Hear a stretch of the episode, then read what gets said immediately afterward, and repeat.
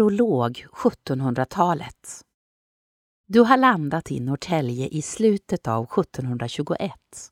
Det stora nordiska kriget, som varat i 21 år, är nu äntligen slut.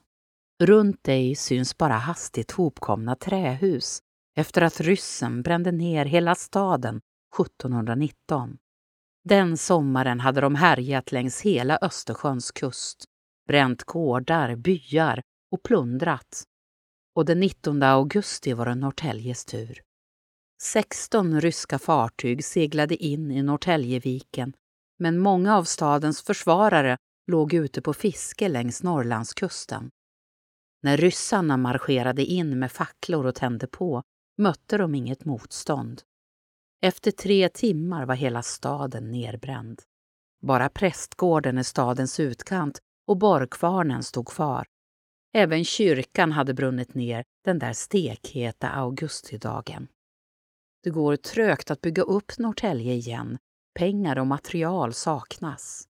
Meningen är att man nu ska bygga i sten. Men sten är dyrt och timmer billigt.